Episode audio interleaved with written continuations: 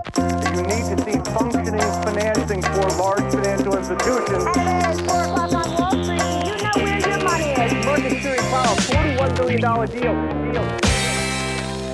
Indien har etablerat sig som en ekonomisk stormakt senaste årtiondet och bjuder dessutom på en hög tillväxt. Med över 1,4 miljarder människor, alltså motsvarande 133 Sverige, så är det dessutom det mest folkrika landet i världen. Indiska Nifty 50-index har stigit 16% sedan årsskiftet och går därmed mot sitt åttonde positiva år på raken. Dessutom har börsen gått om Hongkong som världens sjunde största aktiemarknad. Dagens gäst har varit aktiv förvaltare i Asien i över 30 år och tror nu att Indien står inför 10-15 år av strukturella drivkrafter. Det här vill vi såklart veta mer om.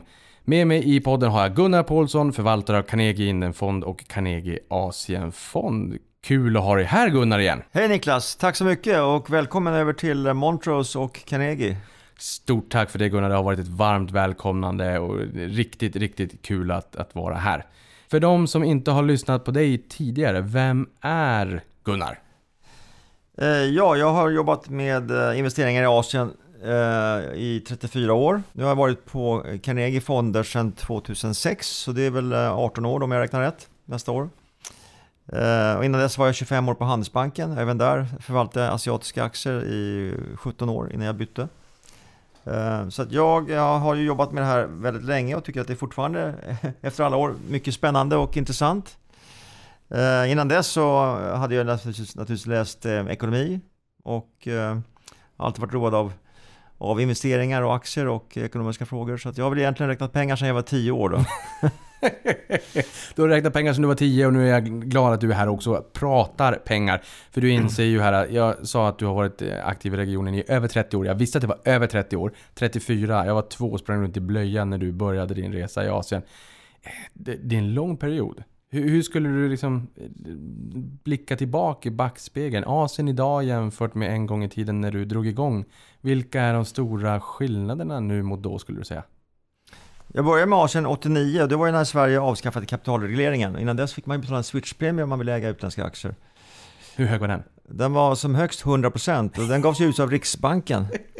Och sen så hade man en emission av switchpremien precis månaden innan man skrotade denna då i januari 89. Eh, De pengarna var ju sen borta. Men eh, det är historia. Nej men den största skillnaden är ju att 89 då vi drog igång, eh, jag drog igång en av Sveriges första Asienfonder på Handelsbanken. Då var det ju Singapore, Malaysia och Hongkong som var de största marknaderna. Den kinesiska börsen var inte öppen för utländska placerare förrän 1992. Och Indien eh, fanns ju, har ju funnits som börs i över 100 år, men den var inte heller öppen direkt för utländska placerare förrän någon gång i mitten på 90-talet.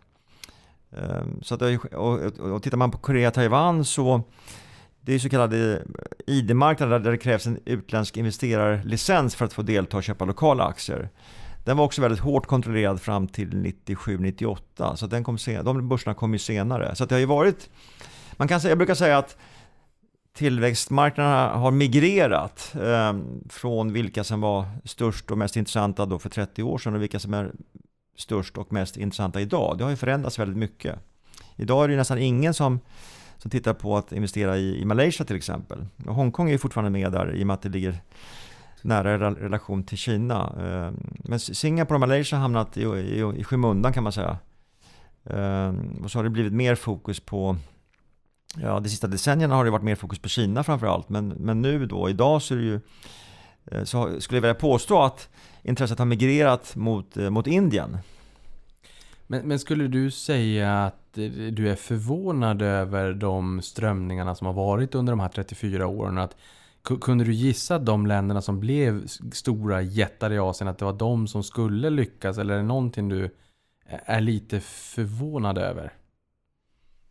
Det har jag inte funderat över, men eh, eh, jag tror att det har, det har utvecklats i takt med att de här ländernas ekonomier har vuxit och utvecklats.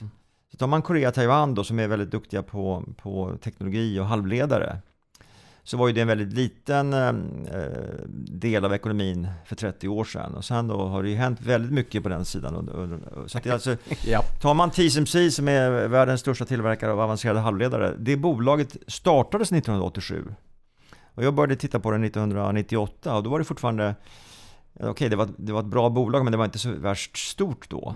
Eh, De, de var lönsamma redan då men idag så är det ju ett gigantiskt bolag i jämförelse. Så att, och även Samsung Electronics, de höll ju på att gå i konkurs under Asienkrisen 97-98. Mm. Eh, Men idag är, är, idag är de en av världens absolut största tillverkare av, av halvledare och eh, allt möjligt, alla möjliga datautrustning, telefoner, skärmar. Så att det, det har ju, har ju, de, ekonomierna har vuxit, företagen har vuxit och, och då utvecklas de här, länder, de här ländernas börsplatser också. Mm.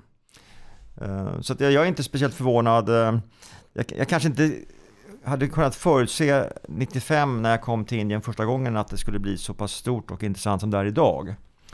Eh, Det har ju skett stora förändringar i det indiska samhället under den här tiden. Jo men för det är här jag tänker, jag menar jag har ju haft förmånen tillsammans med min gamla parhästradarpartner Johanna Kull fått följa med dig ut i vida världen på investerarresor och vi har varit i bland annat Sydkorea. Nu kommer vi på den här handla om Indien men, men för Asien som region. Där fick vi ju inse hur otroligt stort ett Samsung är i Sydkorea. Vad var det? En 10% av BNP och 16-20-tal bolag på, på börsen jag vet inte riktigt om man har koll på det till, till vardags som man inte har fått det berättat för sig eller haft förmånen att vara med dig ut och träffa de här bolagen. Du, du var där första gången 95 säger du. Du träffar ju bolag rätt ofta också. Jag tänker mig att Boots on the ground kanske är viktigare när man förvaltar fonder i lite mer exotiska delar av världen. För oss exotiska delar av världen. Bolagen du träffade när, när du gjorde din första resa kontra idag då? Hur, hur har de här länderna utvecklats ehm, när du besökte ett Indien eller Kina för väldigt, väldigt länge sedan och idag? Det måste ju vara väsensskilt. Ja, det är en otrolig eh, förändring. Men om vi tar Indien då, eftersom vi ska tala om Indien idag. När jag var där 95, då, som kuriosa kan jag nämna att, att eh, handelssystemet var inte speciellt väl utvecklat i Indien 1995. Så att jag var där med min chef och besökte depåbanken. Då hade man alltså fysiska aktiebrev, så en aktie var en A4-sida. Mm. Så köpte man en miljon aktier så var det alltså en miljon dokument. Och då funkar det så att varje aktiebrev skulle skickas tillbaka till för, det utgivande, utgivande företaget för att stämplas på baksidan då för ett ägarbyte. Och det säger sig självt att det var totalt kaos för att bolagen hade olika prioritering på hur, hur viktigt den här processen var. Så att, så att eh, det släpade ju i flera led, led bakåt vem som faktiskt ägde aktien och det var väldigt svårt att dokumentera det. Idag har man ju naturligtvis ett fullt modernt eh, VPC-system så att det, det är ingen issue idag. Men det har ju, bara det har ju förändrats eh, otroligt mycket på, på, på den här tiden. Men bolagen, eh, jag kommer ihåg att vi träffade Reliance Industries redan 95. Jag träffade Mahindra Mahindra som tillverkar traktorer och eh, eh, tunga eh, eh jeep, jeep-liknande SUVar. Eh, vi träffade också ICICI Bank. Eh, de här tre bolagen finns ju fortfarande i portföljen idag. Eh, men det har ju varit stora förändringar. Mm. När det gäller Kina så är väl förändringen om möjligt ännu mer dramatisk. För att när jag först kom till Kina då eh, 1992 när, när, när börsen öppnade för utländska placerare. Då åkte vi och träffade statsägda bolag. Det fanns inte så hemskt många noterade bolag då. Men jag kommer ihåg vi träffade Textile Machinery Number 2. Alltså Number te- two! te- tex, textil, den statliga textilfabriken nummer två. De tillverkade inte textiler, de tillverkade eh, vävstolar. De tillverkade gjutna metallkomponenter till, till industrin. Och det var eh, väldigt gammaldags. Det såg ut som någonting från 1930. Eh, och så är det ju inte idag. Utan idag är ju Kina väldigt modernt och väldigt högteknologiskt med väldigt många duktiga bolag som, som eh, tillverkar allt möjligt. Och det beror ju naturligtvis på att under de här 30 åren så har ju västvärlden eh, flyttat stora delar av sin produktion till Kina och inte minst då eh, med, med medfört tekniköverföring till kinesiska företag. Ehm, Och det var ju var en del av upplägget när Kina, Kina började avregleras eh, 1978. Just det. Nej, och här kan vi ju säga att just det du berättar om här också när man skulle byta ägare där i In- Indien och med fysiska aktiebrev eh, Det är kanske därifrån uttrycket gotta till sig högen kommer. Sen har vi haft T plus 3, trade date plus 3 dagar för avvecklingscykel. Och så handlar du en aktie på måndagen så var den avvecklad på torsdagen. Sen var det T plus 2 då var den avvecklad på onsdagen. Och nu är det, går vi mot T plus 1 då. Så att saker och ting blir ju lite mera effektivt över, över tid. Nåväl, du förvaltar ju Carnegie Indien-fond och Carnegie Asien-fond. Berätta lite mer kort om fonderna. Så båda fonderna eh, startades eh, eh, 2004 av Sven Hagströmer på, på HQ Bank. Och jag började jobba på HQ Fonder 2006 och skötte, har skött förvaltningen sedan dess. Indienfonden har skött sedan januari 2008. Och Carnegie Asia som idag är en regional Asienfond exklusive Japan men, men som även investerar i Indien. Det var från början en, ren, en renodlad Kina-fond. Sen gjorde vi om den till att bli en regional fond för hela Asien eh, 2014. Och det eh, hade ju att göra med att jag då, efter att Xi Jinping blev, blev eh, generalsekreterare för kommunistpartiet eh, 2000, 2013, eh, när jag väl insåg att hans planer för Kina som ekonomi, ekonomi kanske inte eh, stämde väl överens med mina förväntningar så tyckte jag att det, var, att det fanns behov av att diversifiera portföljen till att kunna investera i fler länder helt enkelt. Så jag har i princip varit negativ på Kinas utveckling i tio års tid. Eh, det har ju gått lite upp och ner, ibland har jag haft rätt, ibland har jag haft fel, men de sista åren så känns det ju mer, mer rätt än fel att mm. vara försiktig med investeringar i Kina. Eh, Indienfonden den, den har jag skött sedan, sedan 2008 och eh, den har haft en fantastisk utveckling och i takt med att landet har vuxit, ekonomin har vuxit och företagen har blivit allt duktigare på att leverera avkastning. Så att eh, som det känns idag så är ju Indien eh, en extremt spännande marknad och jag tror att eh, mitt favorituttryck just nu är att eh, historien har en förmåga att upprepa sig. Eh, så nu tror jag att Kina är nog där Japan var eh, för 30 år sedan, 1993. Eh, medan Indien eh, kanske är där Kina var för 20 år sedan i, i termer av möjligheter att växa. Och när jag jämför Kina med Japan så kanske några kommer ihåg att Japan hade en finanskris i början på 90-talet med väldigt hög skuldsättning i näringslivet. Det var också en fastighetsbubbla som sprack, stora kreditförluster i banksystemet. Och det tog faktiskt tio år för, för japanska regeringen att få ordning på bankernas förluster. Ehm, och till, därtill då så hade ju Japan redan för 30 år sedan problem med sin demografi i och med att födelsetalen var för låga. Idag har vi ett läge, det, det, det är inte en perfekt ehm, kopia av det läge som Japan var i, men det är väldigt många saker som, som, som överensstämmer. Så det, idag har vi ju eh, Kina med för låga födelsetal och eh, om utvecklingen fortsätter som den är idag så det föds för få barn så kommer Kinas befolkning som är på 1,4 miljarder människor att sjunka till 800 miljoner människor på, på 40 år. Ehm, och bara det, gör, bara det innebär ju en utmaning för Kinas eh, ekonomi och för Kinas eh, tillverkningsindustri att hitta arbetskraft. Och det, ser vi, det, det, är ett problem strukturellt redan idag i Kina. Sen har vi också, som alla säkert vet, problem med en fastighetsbubbla i Kina och Eh, Eh, hög skuldsättning hos de provinsregeringarna ehm, som inte är löst. Så nästa eh, steg där är väl att bankerna kommer att behöva redovisa rätt stora avskrivningar för kreditförluster. Eh, men det tar, som allting i Kina så tar det ganska lång tid innan det kommer upp till ytan. Så jag tror inte den här, den här cykeln med, med att hantera eh, fastighetsbubblan och med att, att hantera förluster i banksystemet, den är långt ifrån klar. Jag, men jag har läst en bok tidigare om Alibaba och den resan och hur den liksom, techscenen byggdes upp i Kina. Vi har ju ofta hört den västerländska storyn med mycket Silicon Valley och techsektorn där. Men kanske inte alltid Kina. Den var väldigt intressant. Och I den boken så fick man förståelse för att en stor del av statens intäkter kom från försäljning av mark. Ehm, finns det någon sån här latent risk i Indien att en stor del av av intäkterna till statsbudgeten kommer från vissa delar som kan få lite problem. Som Kina har fått just när det kommer till fastighetssektorn. Ja, det är en intressant fråga. Den, den haltar lite grann tror jag. För att eh, de här samhällena är väldigt olika i sin struktur. Förutom att Kina är en, eh, har ett enpartisystem där kommunistpartiet har styrt, styrt eh, landet eh, sedan 1949. Och Indien är en, en, eh, en av världens största fungerande demokratier med flerpartisystem. Det är en fundamental skillnad. Men så är, så är det också många andra skillnader i, i hur ekonomin är uppbyggd. Eh, så Kina blev ju, eller har varit under 30 års tid, världens verkstad i och med att utländska direktinvesteringar har satt upp, satt upp tillverkningsindustri och fört över teknikkunnande till Kina. Och sen har vi köpt de varorna som produceras där och därmed har vi försett Kina med överskott i, i handelsbalansen. Made in China. Made in China. Um, så det är därför som så stor del av västvärldens näringsliv är beroende av försörjningskedjor av, av komponenter eh, från kinesiska fabriker. Eh, eh, men Indien har alltid traditionellt varit ett land som har tillverkat det man behöver för, för eget bruk. Det, alltså fram till 90, 91 eh, då Dr. Singh började avregleringen och öppnandet av den indiska ekonomin så var det egentligen en socialistisk planekonomi med, med eh, import, importsubstitution som strategi. Det vill säga att man, man hade inte så stor import och man hade heller inte så stor export. Utan man, man hade väldigt mycket inhemsk produktion för egna behov. Det har ju ändrats väldigt mycket sedan dess. Eh, så att Indiens struktur eh, i den, i den dimensionen tycker jag inte är lika sårbar.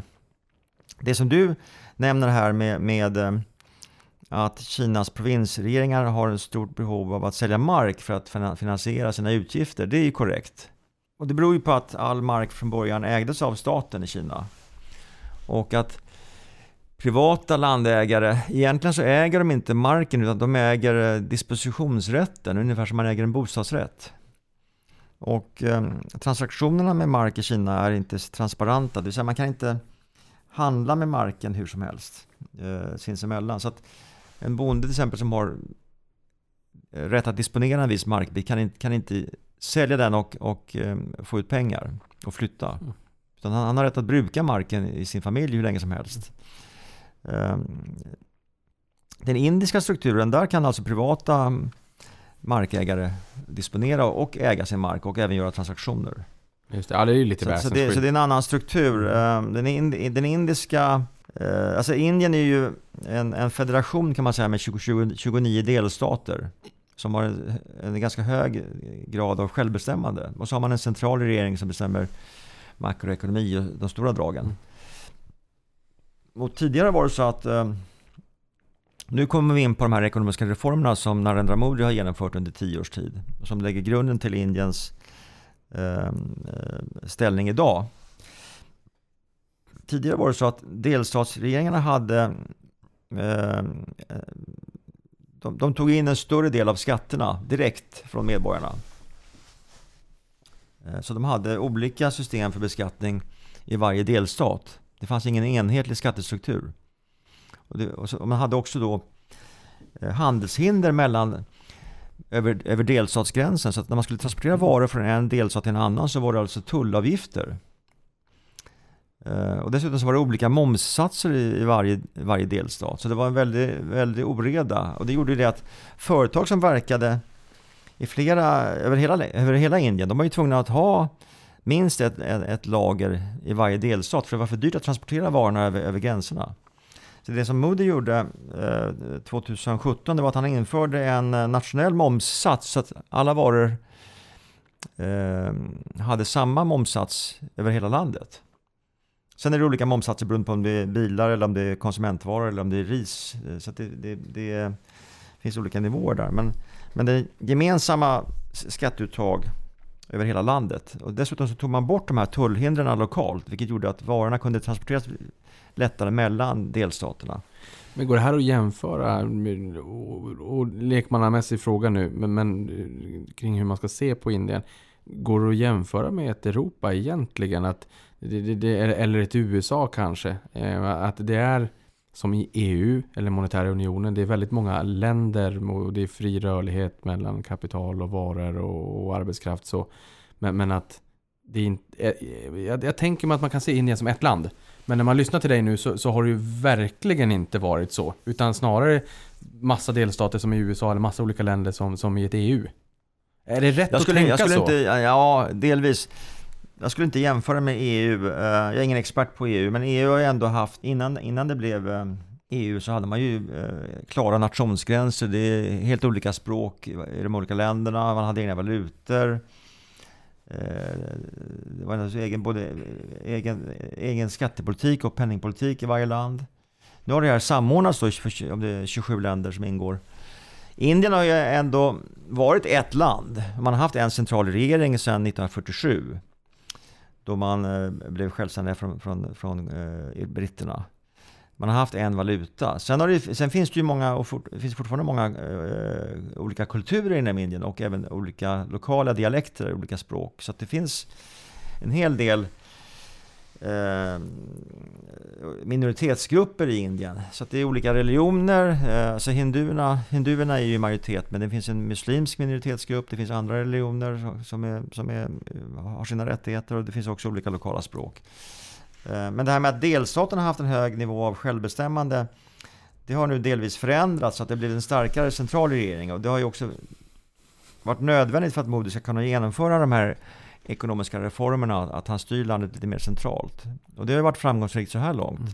Tidigare så var det väldigt svårt att eh, bedöma investeringar i olika delar av landet för att delstatsregeringarna hade så olika kvalitet.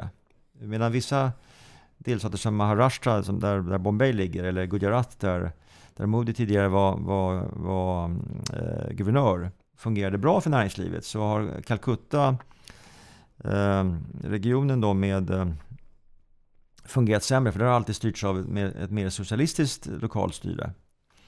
Eh, det heter Västbengalen där Calcutta ligger och eh, en del andra delstater som Andra Andhra Pradesh har varit väldigt korrupta. Och de, att, att, investera i bolag som har sitt säte i Andhra Pradesh har alltid varit en, stor, en svår huvudvärk. Och, och bolag från Calcutta har alltid varit svåra att, att bedöma av de här skälen. Men nu har det blivit mer jämnare spel, spelregler över hela landet, så det har varit en fördel. Men så jag skulle inte jämföra med EU. Kanske i så fall lite mer likt eh, den amerikanska ordningen då med delstater. Eh. Bara intressant att få en lite klarare bild, för ofta så tänker man Indien som ett land, men sen så hör man dig här prata i podden och sen så får man en helt annan bild. Humankapitalet växer lite grann. Indien, nulägesbilden då? För här har vi förstått att det finns en god potential framåt. Det händer mycket strukturella reformer. Där kommer vi komma in på ekonomiska reformer. Men den korta versionen då av nuläget precis just nu? Jag skulle säga att eh, Indien har ju överträffat alla förväntningar när det gäller tillväxt. Eh, så förutom att man har gått om Kina i folkmängd här nu förra året eh, och är världens mest folkrika land då med 1,4 miljarder människor så har man också så vitt jag förstår världens eh, högsta BNP-tillväxt. Det kom nu tillväxten här för, för det kvartal som slutade sista, sista september. Och eh, BNP växte med 7,6 procent och de flesta prognoserna som jag har sett låg runt 6-6,5 procent.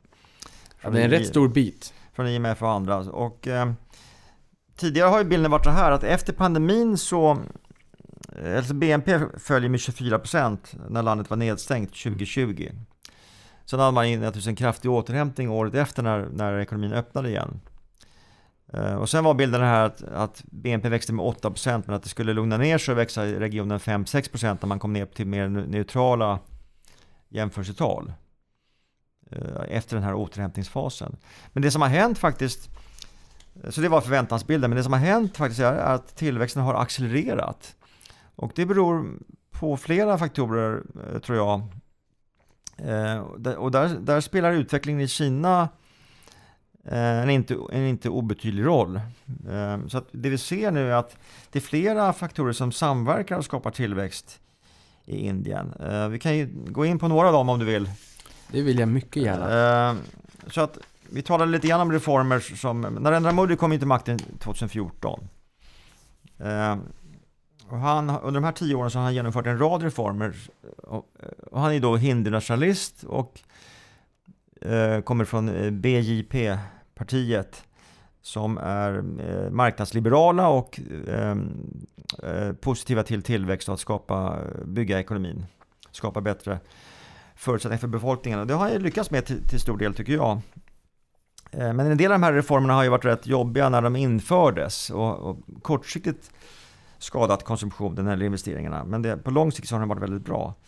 Så han gjorde en valutareform 2016 när han cancellerade 80% av alla sedlar i cirkulation. Alltså den är ju lite jobbig eh, Gunnar. Eh, och det, det störde ju naturligtvis eh, systemet rätt allvarligt. Eh, men syftet var ju att tvinga syftet var att, att, att, attackera illegala, den illegala delen av ekonomin och illegala pengar, svarta pengar helt enkelt. Och han ville se till att pengarna kom in i, i det illegala banksystemet. För att när man väl har fått in kapitalet i banksystemet, då kan man se vem som har pengarna och då kan man också, också beskatta mm. verksamheten mm. under. Så det har varit en, en, en strategi som har gått som en linje genom alla de här reformerna. Nästa reform var den här eh, att han införde en nationell momssats 2017. Och eh, det var ju plågsamt för små företag som inte var en del av den organiserade ekonomin innan. Men det har ju inneburit nu att man kan identifiera alla transporter, alla, alla, allt gods som går på lastbil har, eh, har en digital eh, man har ett digitalt identifieringssystem så man kan se exakt vad det är för last på varje lastbil, vad det, vad det är för värde och vad det är för momssats på de här varorna. Så man kan alltså följa varorna när de transporteras genom landet och därför ska man också ta ut skatt på ett korrekt sätt. Mm. Det här var någonting som det var mycket fusk med innan. Nästa steg var att man ville rensa upp banksystemet och det här kom ju redan när, när eh, Raghuram Rajan blev centralbankschef i Indien eh, september 2013. Och han hade ju tidigare en karriär som chefsekonom för IMF så han har ju ett, ett väldigt, en väldigt solid bakgrund. Hans misstag var möjligtvis att han trodde att man kunde reda ut 20 års eh, eh 20 år av kreditförluster på, på bara tre år. Så det var ju också rätt, en rätt jobbig resa för att man, man tvingade bankerna att ta fram gamla förluster på väldigt kort tid. Så man, man eh, införde ett mycket striktare regelverk för hur bankerna skulle redovisa nödlidande krediter. Eh, men när man tittar på det i backspegeln så har det varit väldigt framgångsrikt och bankerna idag ser väldigt starka ut. Och som du var inne på så växer privata bankers utlåning med eh, i storleksordningen 20 %. Eh, och nu, nu eh, i augusti, september när jag var nere i Indien så jag har aldrig sett bankerna så lönsamma uh, under min karriär tror jag. Så att tillväxt på 20% i utlåning. Räntemarginalerna låg mellan 4,5 och 5%. Uh, väldigt hög nivå. Uh, och väldigt små kreditförluster i systemet. Det här kanske, det vi ser redan nu är ju för all del att, att, eh, att räntemarginalen kommer att normaliseras i takt med att, att e, räntan på inlåning hinner ikapp. Och på marginalen kanske vi kommer att se lite högre kreditförluster eh, än tidigare. Men inte alls i nivå med de, med de förluster som man hade 2015, 16, 17. Det man också gjorde var att man införde en, en, ny konkurslagstiftning. Så man införde en domstol som skulle hantera konkurser och att, att bankerna skulle få tillgång till, till, eh, till, eh, till panten. Alltså till säkerheten för, för underliggande lån och dessutom kunna disponera panten och även sälja den och få tillbaka en del pengar. Det systemet fungerade inte innan och det har ju lett till att bankernas gamla portföljer av förluster har, har kunnat redas ut Eh, de sista 5-10 åren. Det är några exempel på reformer som man har genomfört. Så att, I korthet så har det här lett till att man har ökat den organiserade delen av ekonomin. Och det i sin tur har lett till att man har markant ökat eh, eh, skatteunderlaget och skatteintäkterna. Så det som händer det här är ju grundkurs i makroekonomi då, men för er som inte vet hur det funkar.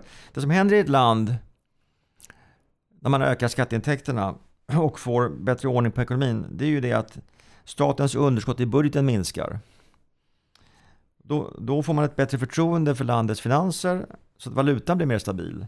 När man får lägre underskott i budgeten, stabilare, stabilare valuta, då eh, kan man också ha lägre räntor. Och det, som, det vi har sett nu är ju att Fed har ju höjt räntorna rekordsnabbt de sista ett och ett halvt åren. Och Indien har ju för all hängt med delvis av den kurvan, när yieldkurvorna har, har stigit. Men centralbanken i Indien har, varit, uh, har hållit räntan stabil sedan i april i år och inte följt med de senaste höjningarna. Så att Indien har inte haft behov av att höja räntorna lika mycket som vi gjort i västvärlden.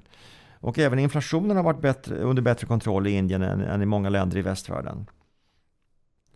Eh, så allt det, här, allt det här hänger ihop då i och med att det är räntorna som bestämmer det är det som bestämmer kostnaden för kapital och det är kostnaden för kapital som i sin tur avgör om företagen vill investera eller inte.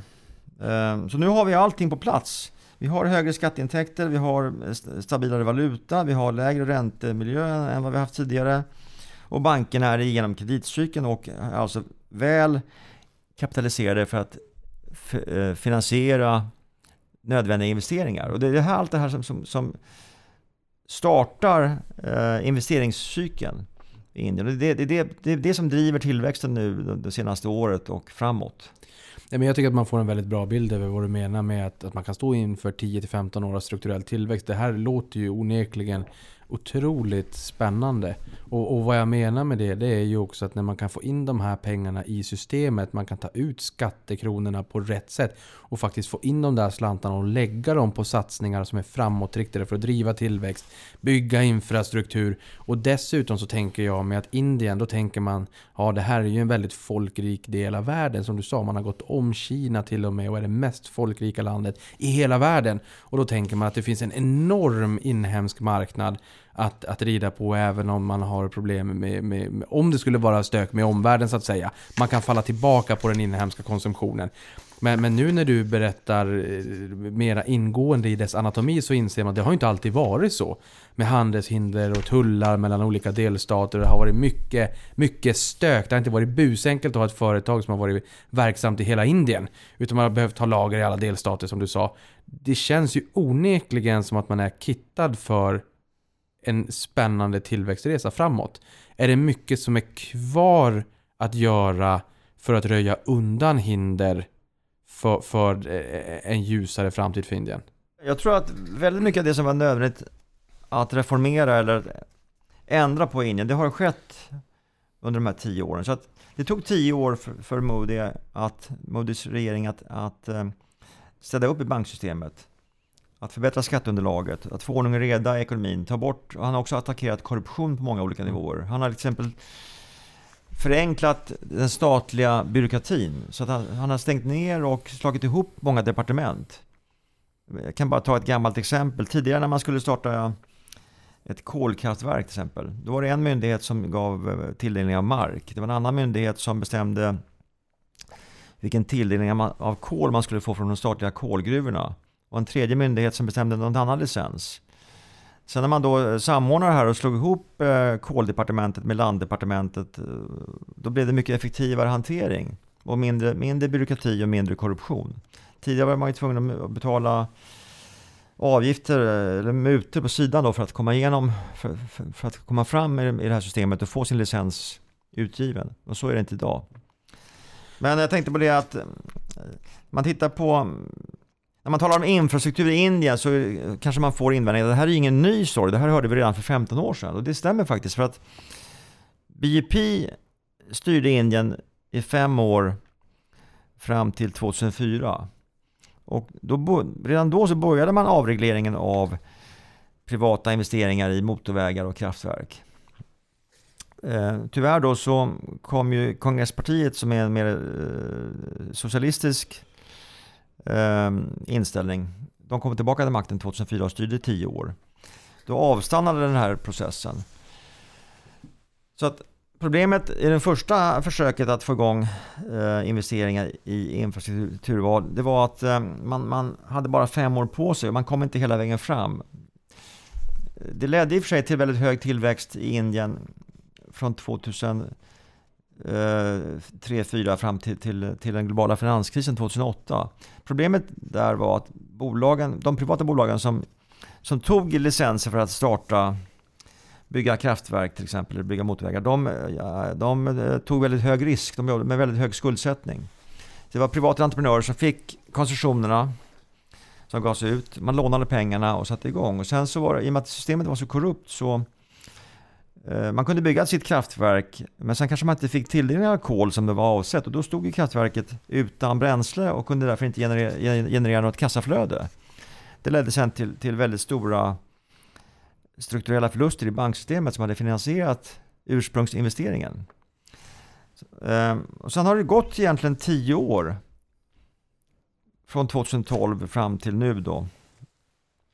Eh, då man inte egentligen haft förutsättningar att, att göra några större investeringar från privat näringsliv för att man har varit tvungen att hantera eh, de här, den här skuldsättningen man hade tidigare. Och det är väldigt få privata aktörer har varit villiga att investera i motorvägar och, och kraftverk därför att de vet vilka problem man hade förra gången. Så det som har hänt nu, om man tittar på, på investeringar så, så är det en betydligt större del av kostnaden för ny infrastruktur som kommer att bekostas av staten. Staten och delstatsregeringen. Så jag har siffror här. Nu, nu har vi en prognos för 2024 på statliga investeringar i, i, um, infrastruktur på 8600 miljarder indiska rupis. För tio år sedan så var den siffran 1600 miljarder rupis. Så det är en väsentlig ökning, flera gånger om. Det man också har gjort nu är att när man nu bjuder in privata företag att, att delta i, i den här typen av investeringar så har man omfördelat risken så att eh, delstaten eller staten tar en större del av projektrisken medan eh, den privata entreprenören kanske står för utförandet. Mm. Och, och, en del av det här eh, är pengar, gratis pengar som man har fått in inom citationstecken för att man nu får in eh, man är bättre på att få in skatteslantar, skatterupis idag än tidigare om jag har förstått det hela rätt. Ja, det stämmer. Så att, eh, det är fortfarande en, en, hel, en hel del privat kapital och pengar från banksystemet som är med och finansierar. Men staten står för en större andel. Och tar, och tar också en större andel av risken för projekten. Men du säger att det här är en gammal story som har funnits med under lång tid. Jag blir väldigt nyfiken på frågan kring vad som skiljer dagens Indien jämfört med mitten på 00-talet där akronymen BRIC var glödhet. Där Indien var en del av BRICS, Brasilien, Ryssland, Indien, Kina och Sydafrika. Vad är det som skiljer nu jämfört med då? Alltså BRICS, BRICS-begreppet eh, finns egentligen inte kvar. Jag tror det var ett begrepp som uppfanns av någon analytiker på Goldman Sachs, eller om det var Morgan Stanley kanske. Det kan ni googla om. Men eh, problemet med BRICS, och jag startade en tillväxtfond redan, redan eh, 1997. Problemet med BRICS var att länderna som ingick där var så väsensskilda i sin, i sin, i sin struktur. Så att Brasilien var ju en ren rå, råvaruekonomi. Eh, Ryssland olja, olja, gas, råvaror, nickel. Indien har alltid varit mer en, en ekonomi som alltid varit driven mer av inhemsk konsumtion. Och inte speciellt, de har inte varit historiskt speciellt duktiga på att tillverka varor för export. Eh, och Kina har ju varit världens verkstad, så de var väldigt olika i sin struktur. så att det begreppet, BRICS-begreppet är nog dött idag tror jag. Mm. Eh, men när det gäller Indien då så jämfört med för, eh, för 20 år sedan så då var det ju mycket mer inhemsk tillväxt. Det var på sätt och vis så indisk ekonomi väldigt defensiv för att det handlade mer om om eh, böndernas skörd och om, om, om monsunen var framgångsrik eller inte. Det var det som skapade, skapade intäkter för, för bönderna om de fick en bra skörd de kunde sälja. Eh, och sen handlar det förstås om statliga investeringar, om det, om det kom igenom eller inte. Men då staten har ju alltid haft ett, ett underskott i, i, eh, i, sin statsbudget. Man har alltid haft eh, underskott i bytesbalansen i och med att man är eh, beroende av att importera mycket energi, olja och gas. Eh, och man hade under lång tid väldigt hög inflation. Och det gjorde det att, att strukturen fastnade. Nu har man löst många av de här problemen. Eh, inflationen ligger på 4,5 procent.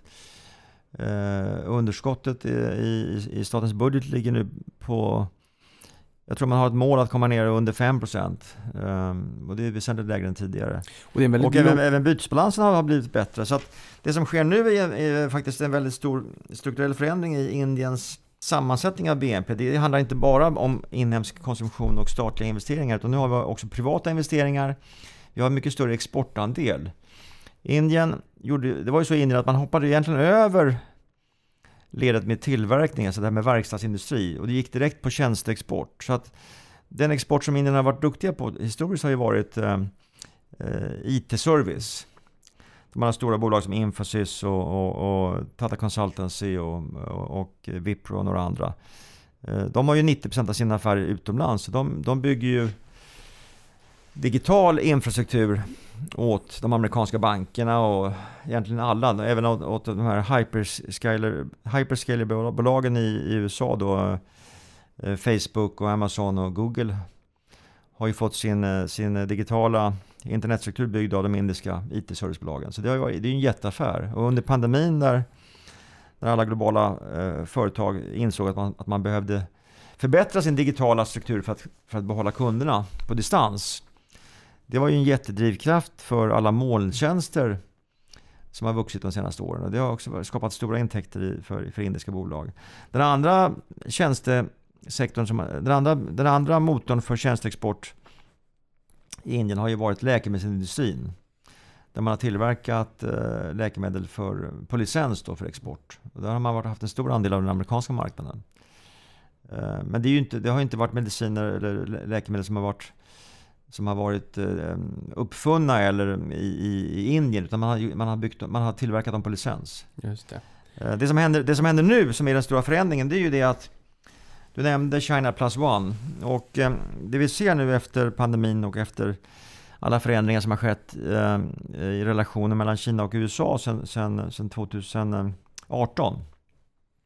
När USA inledde Eh, handelskriget mot Kina då. Det är ju det att eh, allt fler globala bolag har ju blivit varse att det, det, det är väsentliga risker med att vara så beroende av ett enda land i sin försörjningskedja, det vill säga Kina då. Eh, och vi har flera exempel på när, när under pandemin så var till exempel hamnen i Shanghai stängd under nästan en månad. Vi har, vi har exempel på båtar i Suezkanalen som har hamnat på snedden och vilket har fördröjt leveranser av, av vitala komponenter till, till eh, Scania och Volvo eh, med månader. Eh, Så att kontentan här är ju den att man behöver diversifiera sin försörjningskedja. Och då är ju Indien ett av de mest intressanta länderna för att man har då demografin på plats, man har en välutbildad ung befolkning Eh, som är väldigt ambitiösa och som vill förbättra sina liv och som vill jobba hårt för att, för att åstadkomma detta. Och dessutom har man då väsentligt lägre lönestruktur än, än vad kineserna kan erbjuda. Så det är egentligen Vietnam och Indien som är, som är eh, de intressanta länderna för utländska direktinvesteringar. Och då kan man ju konstatera att under lång tid, kanske 25 år, så de utländska investeringar som kom till Asien, 90% av de pengarna gick till Kina. Och medan länderna i Sydostasien fick väldigt lite eh, bidrag från utländska investerare. Och Indien hade väl inte så stort intresse heller då. Eh, men nu så har flödena vänt så att det är alltså negativa Trenden är negativ för utländska direktinvesteringar till Kina. Man behåller det man har men man, man bygger inte så mycket nytt. Istället så går då pengarna till, till att bygga t- eh, eh, fabriker och eh, tillverkning i Indien. Och där kan vi ju se då bara de senaste åren så har Samsung Electronics eh, flyttat tillverkning av mobiltelefoner till Indien. Eh, framförallt då för, för länderna, för exportmarknaden. För, för den indiska marknaden men även för export. Man behåller kapacitet i Kina för den kinesiska marknaden men man, det som ska exporteras utanför gör man i andra länder då. Man har även eh, i Vietnam förstås. Sen har vi då Apple. Apple har ju ingen tillverkning själva utan det är ett designhus. Så att Apples telefoner tillverkas av ett Taiwanbolag som heter Foxconn som ägs av Honhai. Så att Foxconn har precis byggt en ny fabrik i södra Indien. Och eh, nu när iPhone 15 lanserades i september så kan man se att en del av eh, den en del av den volymen tillverkades i Indien då. Eh, Det finns flera exempel på det här. Eh, Nyligen så, så det förekom ju också information om att Tesla överväger att, att eh, göra en större investering i Indien för att tillverka elbilar. Och där hörde jag senast igår då, jag åt middag med en indisk motpart, att eh, den indiska regeringen överväger att ändra på importtullarna för elbilar till Indien. Och varför skulle man då göra det här? Teslas avsikt är ju att bygga en fabrik i Indien för att tillverka elbilar. Eh, Men då är strategin är så här att, att förmodligen kanske Elon Musk sätter upp en fabrik i Indien för att tillverka mindre elbilar för den indiska marknaden. Kanske en modell 2 eller modell 1. Men sen vill man ta in eh, 3-serien och de andra modellerna också som kanske tillverkas utanför Indien. Och då är det ju, då är det ju då vore det ju en fördel om, om, om tullarna på importer av bilar sänks i, som gengäld då för man, att man får den här stora investeringen. Och det här är ganska intressant för Indien har en väldigt stor sektor för eh, eh, underleverantörer till bilindustrin av gjutna metallkomponenter, av växellådor, däck, eh, allt möjligt. Eh, så det här är ju en, en, en potentiell eh, tillväxtmotor också för ekonomin. Så att sammantaget då kan man säga att det här kallas för China plus one då, att man diversifierar sin försörjningskedja. Och att Indien bygger nu en, en verkstadsindustri för export. Och det, bara det gör ju att, att landets eh, bytesbalans kommer förbättras. Jo, jag har noterat det här också, att det är väldigt många länder som visar intresse för Indien och det är inte bara eh, designers av halvledare. Det har vi sett på iPhone. Eh, Designing Cupertino assembled in China. Och nu blir det kanske China plus one. Nu kanske det blir India i framtiden istället. Så inte bara det här fabless att, att tillverkningen av halvledarna kanske kommer ske då i Indien. Utan jag tycker även att konsumentrelaterade varumärken börjar visa upp intresse för Indien. Det kan vara ett, ett Walmart eller ett Amazon som vill vara där för den indiska befolkningen också. Vad vad är det som driver på utländska, västerländska kanske då, företags förnyade intresse för den indiska marknaden och då inte bara China plus, plus one tillverkning för att det är billigare arbetskraft utan också den domestika inhemska marknaden, alltså den indiska konsumenten. Jo absolut, jag menar Går du tillbaka 20 år så hade, så hade du eh, 250 miljoner människor som levde eh, på fattigdomsnivån.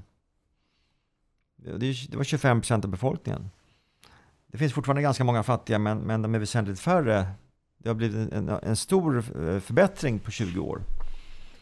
Ehm, så att medelklassen eh, har ju vuxit rejält. Så jag skulle vilja påstå att man kanske har 100 miljoner hushåll som tillhör en indisk medelklass. Det är 400-500 miljoner människor. Och det som driver det indiska samhället är att människor har en, de aspirerar till att förbättra sina liv. De, de vill klättra på samhällsstegen och, och, få det lite bättre. Och de är beredda att jobba ganska hårt för att nå dit. Det, det kan man hitta i flera länder för all del, men, men i Indien så är, det, så är det väldigt tydligt. Och eh, i, den här, i den här befolkningspyramiden så är det flera människor som har lyckats lyfta sig i håret och sett till att barnen har fått en bättre utbildning.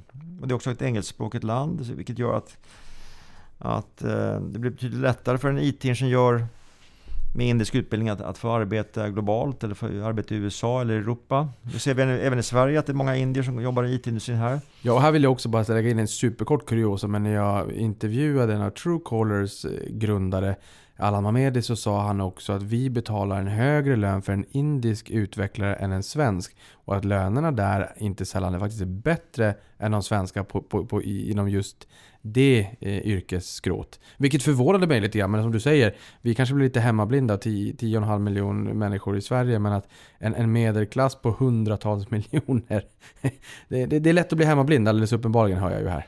Ja, det är intressant. Så att det man kan notera är ju att, att medelklassen har ju eh, vuxit väsentligt eh, och köpkraften har ökat hos medelklassen. Eh, sen kan man också se Eh, om man följer börsutvecklingen och utvecklingen för indisk fastighetsmarknad och den köpkraft som faktiskt finns där. Eh, förutom att, att eh, den kategorin av människor som har utbildning i Indien och som jobbar åt de större bolagen, de har fått, de har fått mer betalt. De har också blivit, blivit rikare, de har en stor andel, sitt, stor andel av sitt hushållssparande på börsen via aktiefonder och via försäkringssystemet. Det har, har ökat i värde. Har det, har det intresset ökat på senare tid? För jag har noterat att du i ett månadsbrev har skrivit att det är större flöden in på börsen. Har de, de indiska hushållens sparkvot har ökat rejält har jag noterat. Att, att, att du har noterat. Men också intresset, inte bara att sparkvoten ökar utan att man också lägger mer pengar på börsen. Är, är det någonting som är relativt nytt? Det är inte nytt utan det, det förekommer stort intresse bland eh, privatsparare i, i Indien att, att eh, vara aktiva på börsen redan för 15 år sedan. Sen var det rätt många som brände sig då i eh, 2007-2008 när vi hade global finanskris. Och så tog det några år innan, innan privata, privatkapital kom tillbaka. Men de senaste 5-6 åren så har det varit en, en viktig drivkraft Inhemskt kapital och inhemskt hushållssparande har varit en driv, viktig drivkraft bakom utvecklingen på den indiska börsen. Och man kan se att eh, den struktur som man har med, eh, eh, med eh, investerings och sparprodukter via försäkringsbolagen, de har ett konstant flöde av kapital in på marknaden. Och sen kan man även se eh förvalt, alltså aktie, fondbolagen helt enkelt i Indien. Det finns ett antal fondbolag som förvaltar aktiefonder. De har haft ett konstant positivt flöde in på börsen. Och en del av de här fondbolagen är dessutom börsnoterade så man kan se hur, hur deras eh, kapital under förvaltning har vuxit och man kan även se deras lönsamhet. Så det här har varit en, en viktig motor. Inte minst det senaste året då så har börsen, eh, skulle jag vilja påstå, drivits av eh, privatsparare. Mm. Är det här och även av, även, av, även av, av inhemska institutioner som de här aktiefonderna och de inhemska försäkringsbolagen. Um, Medan utländska placerare har varit mer avvaktande och tyckt att Indien har varit väl högt värderat. Eh, så det har ju varit intressant. Det har ju också medfört, när man tittar på vilka branscher eller typ av bolag som har gått bäst på den indiska börsen under det senaste året, så kan man ju notera att eh, små och medelstora bolag har gått väldigt mycket bättre än, än de stora eh, blue chipen. Och det beror ju på att de stora bolagen ägs framförallt av, av indexfonder förstås eh, och ETFer men, men också av utländska globalfonder kanske. Medan, medan de mindre bolagen som inte är lika välkända eh, har en större andel av, av privata, privata eh, investerare. Har det här varit en, en, bidragande faktor till att jag såg CNBC bara för några dagar sedan, jag tror att det var 11 december, skrev att Indiens börs har gått om Hongkong och parkerar sig därmed då som världens sjunde största aktiemarknad. Eh, det är ändå, det här är en rätt stor börs, det är en stor marknad vi pratar om. Ehm, jag antar att det där har varit en, en bidragande faktor. Vad finns det mer som har gjort att de har seglat om Hongkong tror du? Jag hade inte sett de där siffrorna, men det är ju intressant. Ehm, jag tror det har att göra med eh, synen på Kina och kinesiska företag som investering jämfört med synen på Eh, Indien och indiska företag. Hur man ser på dem som investering. Så att det har ju varit så, det har ändå gått fem år sedan Donald Trump började med handelskriget mot Kina. Och när man nu ska värdera investeringar, man kan ju titta på vinstutveckling och, hur många, själva värderingen för ett företag, men sen får man också väga in makroekonomi, eh, inflation, hur valutan rör sig, men även geopolitiska hinder. Och när det, har varit, när det gäller Kina så har det blivit allt mer, allt fler geopolitiska hinder de sista fem åren. Det har ju varit, varit slag i slag. Det har hela tiden blivit lite sämre. Det som från början handlade om, om tariffer på stål och eh, olika typer av varor har ju sen gått över till att handla mer om att begränsa Kinas tillgång till avancerade halvledare. Eh, så det har ju, och USA har ju då satt upp ett hundratal bolag på sin, på sin eh, tillsynslista över bolag som, som man inte vill göra affärer med. Mm. Ehm, och bara för ett och ett halvt år sedan så har man ju då bestämt att US, amerikanska bolag inte får exportera teknik till kinesiska bolag när det gäller halvledare som, har, som är mer avancerade än 14 nanometer. Man har även begränsat producenterna av de maskiner som behövs för att tillverka halvledare. Ehm, man har infört begränsningar för export till Kina av, de, den typen av maskiner. Som, de maskinerna görs i Holland. Men, ehm, så det är, så alla, alla globala bolag som bygger på amerikansk, någon form av amerikansk teknologi har, har fått restriktioner. Det här, det här har ju lett till att Kina å sin sida har infört eh, motåtgärder. Så det är ju mm. ett väldigt spänt läge mellan, mellan eh, Kina och USA. Och eh, dessutom då så har ju statliga myndigheter i USA eh, i, princip infört förbud att, att de här myndigheterna ska ha investeringar i kinesiska aktier. Och det är klart att i, i och med att USA är en av världens största kapitalmarknader, när man då stryper tillgången till amerikanskt kapital, för, alltså riskkapital för kinesiska bolag, då det får ju effekt på eh, både på värderingen av kinesiska aktier men också på börsutvecklingen. Den här typen av, av geopolitiska hinder har man ju inte i Indien. Eh, det finns, inga, det finns inget handelskrig mellan Indien och USA utan tvärtom så är relationerna ganska goda skulle jag vilja påstå. Mm. Men 14 nanometer säger du här, det är ju en intressant att sätta det i kontext där många av halvledarna som vi kanske då har i våra persondatorer idag, där, där har AMD i alla fall 5 nanometer, nu kamperar man ner på 2 nanometer för att kommersialisera det och taiwanesiska TSMC har ju sagt att man har tagit fram teknologi för att kunna komma ner på 1 nanometer. För men, men, men 5 nanometer sitter i min burk hemma. Eh, och, och, bara i dagarna har jag sett just 2-3 nanometer, att man pratar mycket om det, att det kommer nu. Man, man har inte lanserat 2 än, jag tror att man håller på, man håller på med 3 nanometer. 5 och 7 är ju, huvuddelen av TSMCs produktion är på 5 och 7 nanometers mm. nivån. Men jag tror att man har börjat lansera 3 nanometers produkter. Mm. Jag tror att eh, iPhone 15 bygger på 3 nanometer och 5 nanometer teknologi. Så att, men framförallt så är ju den här teknikutvecklingen väldigt viktig för, för försvarsindustrin. Så att USAs syfte med att begränsa Kinas tillgång till avancerade halvledare, det handlar ju om att man vill, man vill förhindra att kinesiska försvaret får tillgång till den tekniknivån. Just det. Och ASML där i Holland, och jag tänker mig att det här blir, ställs ju lite grann på sin spets också i och med att vi nu ser en, en, en eh, revolution för generativ AI. Eh, och, och just den här begränsningen vi har sett, inte minst på Nvidia som är en stor spelare, att man får inte sälja de allra hetaste halvledarna. Men, men tillbaka till, till indiska börsen då.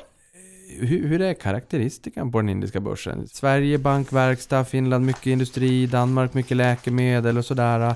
Um, hur, hur ser den indiska börsen ut?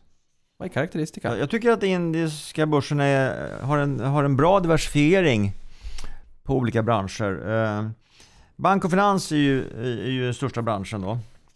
Så det, är- det är i princip 30% av, av kapitalet.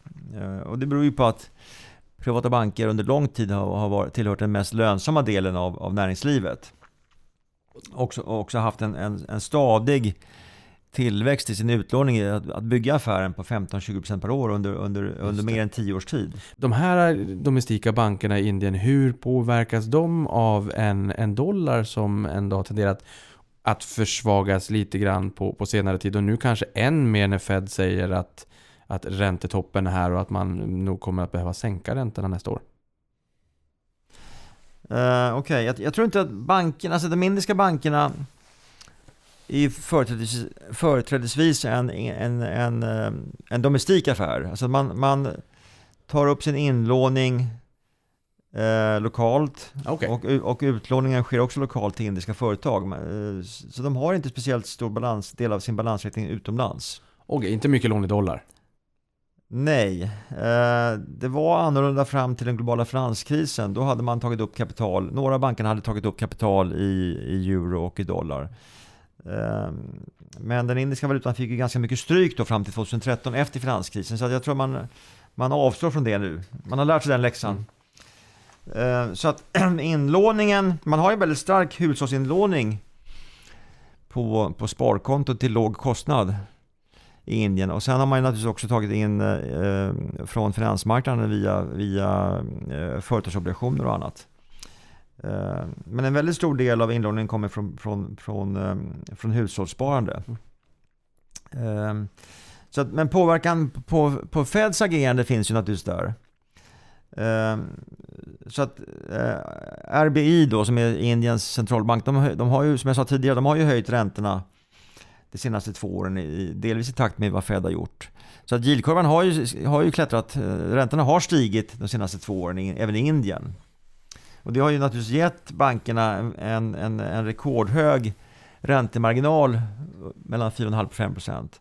Den nivån kanske inte är uthållig, så att någon gång när, eh, när Fed börjar sänka eh, längre fram, kanske nästa år, då, då finns det möjlighet att även den indiska centralbanken kan, kan sänka räntorna.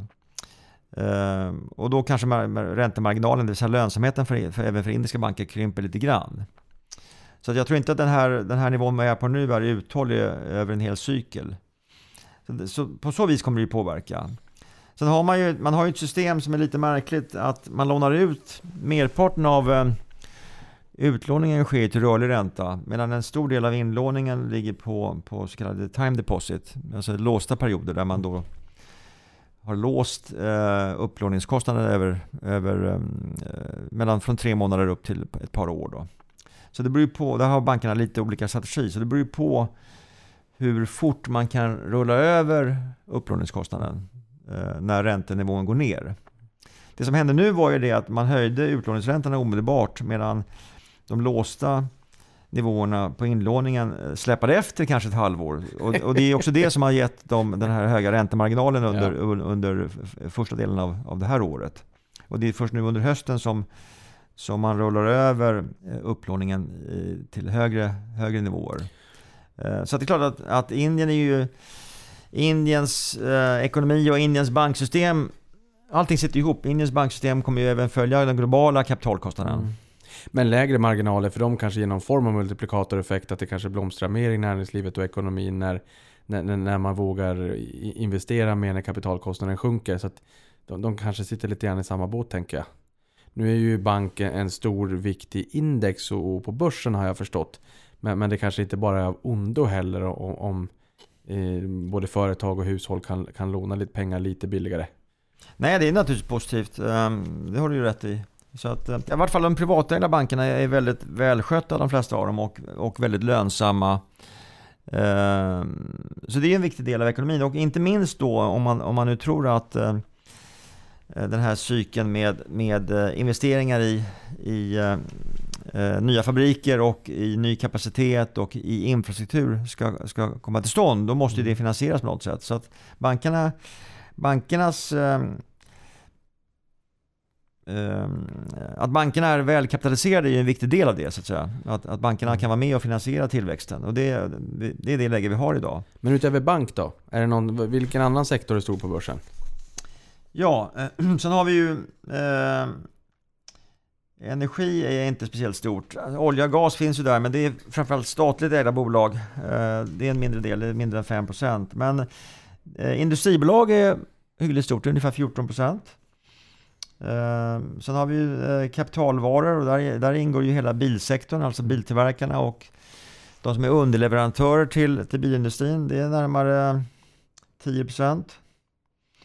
Eh, sen har vi ju eh, IT-service som jag nämnde tidigare. Det är, det är stora, stora bolag så att IT-service är nästan 15% på börsen. Eh, Men är det många domestika, inhemska, indiska bolag eller är det även många globala multinationella bolag som har lokala företag listade, noterade i, i, i Indien? Ta Coca-Cola Brewers India. Jag hittar bara på nu. Att det skulle vara liksom ett multinationellt amerikanskt bolag som, som har e-, e, e ett eget bolag i Indien som är inom citationstecken indiskt som är noterat. Eller är det väldigt många domestikt indiska bolag listade på börsen? Är det mycket, är det, är det liksom mycket Atlas Copco Investor eller är det eh, ett, ett Coca-Cola Sverige? Ja, jag förstår. Eh, nej men Indien, jag tycker Indien har en väldigt bra företagsstruktur. Jag menar, det finns ju en, hela, en hel del bolag som är statsägda fortfarande, men de behöver man inte investera i om man inte tycker det är kul. Eh, och det tycker inte jag. Men eh, eh, Indien har väldigt många duktiga familjer, alltså familjeägda privata företag som har, en, har en, hållit på i 40-50 år med sin verksamhet och byggt det sakta men säkert. Ehm, och de är välskötta, de har ordning på sin balansräkning och det växer år från år. Och det är framförallt med de privata entreprenörerna som, som vi investerar. Sen finns det ju också eh, utländska multinationella bolag och det, det har ju sin egen historik då. Och det var ju så att eh, jag kommer inte ihåg hur långt tillbaka det går, men det går tillbaka ett antal decennier. För att få öppna verksamhet i Indien eh, för att komma fram till marknaden så var man tvungen att notera sina aktier på den lokala börsen. Så därför så har vi då både Siemens och och ABB har ju börsnotering i, i Indien och Nestle finns där. Det finns Hindustan Unilever som är då ägt av Unilever. Bosch eh, har 85% av marknaden för, för eh, eh insprutning till lastbilar, lastbilsmotorer, dieselmotorer. Eh, svenska SKF hade i alla fall tidigare en notering i Indien. Så det finns en rad eh, internationella bolag som är noterade. Mm. Eh, det är inte alltid de är så likvida. Eh, ofta är de väldigt välskötta för att de har då management och fungerar enligt västerländsk modell. Eh, eh, så fler, vi har flera av de här bolagen i portföljen faktiskt. Vi har Nestle, vi har Unilever, vi har Bosch. Eh, Siemens och ABB har, har en fantastisk verksamhet i Indien och gått väldigt bra men de är väldigt högt värderade. Så någonstans får man ju dra gränsen. Jag vill inte betala 85 gånger vinsten för, för Siemens. även om de har, eh, deras affärer går jättebra. Någonstans får man, dra, får, får får man dra gränsen och det här kommer vi också in på hur den indiska börsen värderas. Eh, Gunnar, var drar du gränsen? det här är det alldeles för dyrt. Och hur värderas den indiska börsen just nu? Den indiska börsen eh, har alltid varit strukturellt eh, högt värderad. Ah, Okej. Eh, jämf- framförallt jämfört med Kina. Men även jämfört med en del andra länder i Asien så är den högt värderad. Och det finns naturligtvis anledningar till det. Men som, det, som det är just nu så ligger värderingen ungefär en standardavvikelse över, över normal värdering i Indien. Över ett, över ett tioårssnitt. Så tioårssnittet ligger på 18 gånger vinsten. Och redan det är ju kanske lite högre än en del andra länder. Även om USA Mm. tidvis har varit uppe på 20. kan man nämna då som en bisats. Eh, så att säga att värderingen ligger på ja, 20-22 gånger vinsten. historiskt då. Sen beror det på vad man tror om framtida vinsttillväxt förstås då. Just det. Och Så den, att, ju eh, ganska, den, den är ju förväntat ganska hög om jag har förstått det hela rätt. Att många bolag springer rätt snabbt och att vinsttillväxten är ganska god ändå. Vinsttillväxten ligger, eh, förväntningarna för mars 2024 ligger på att vinsterna ska öka i, i storleksordningen 18-20%. Och det är klart om BNP växer med 7,6% så tror jag att vinsterna kan öka rätt rejält. Så att eh, man, man, man diskonterar ju nu kanske vinsttillväxten både för 2024 och 2025. Ja. Men, eh, och vår, vår portfölj ligger lite över börssnittet och det har ju att göra med att vi eh, föredrar att investera i de allra, allra bästa bolagen. Alltså, bolag med, med hög kvalitet i sitt management, hög kvalitet i sina produkter, dominerande marknadsandel, bevisad hög, hög nivå på lönsamhet, eh, inte bara ett år utan över en femårscykel. Så att vi, när, vi, när vi investerar i Indien, och det är ändå ett land långt borta, så vill vi ha de allra bästa bolagen och då för det får man ju då betala lite mer. Men sen kan man konstatera, jag tror det var Warren Buffett som sa det att eh, Price is what, what you pay, value is what you get. och det är lite grann så i Indien att man betalar en högre värdering men man får också väldigt ofta ett väldigt bra värde. Så att många bolag, framförallt de privatägda, de genererar kanske 20-25% avkastning på eget kapital. En del ännu högre.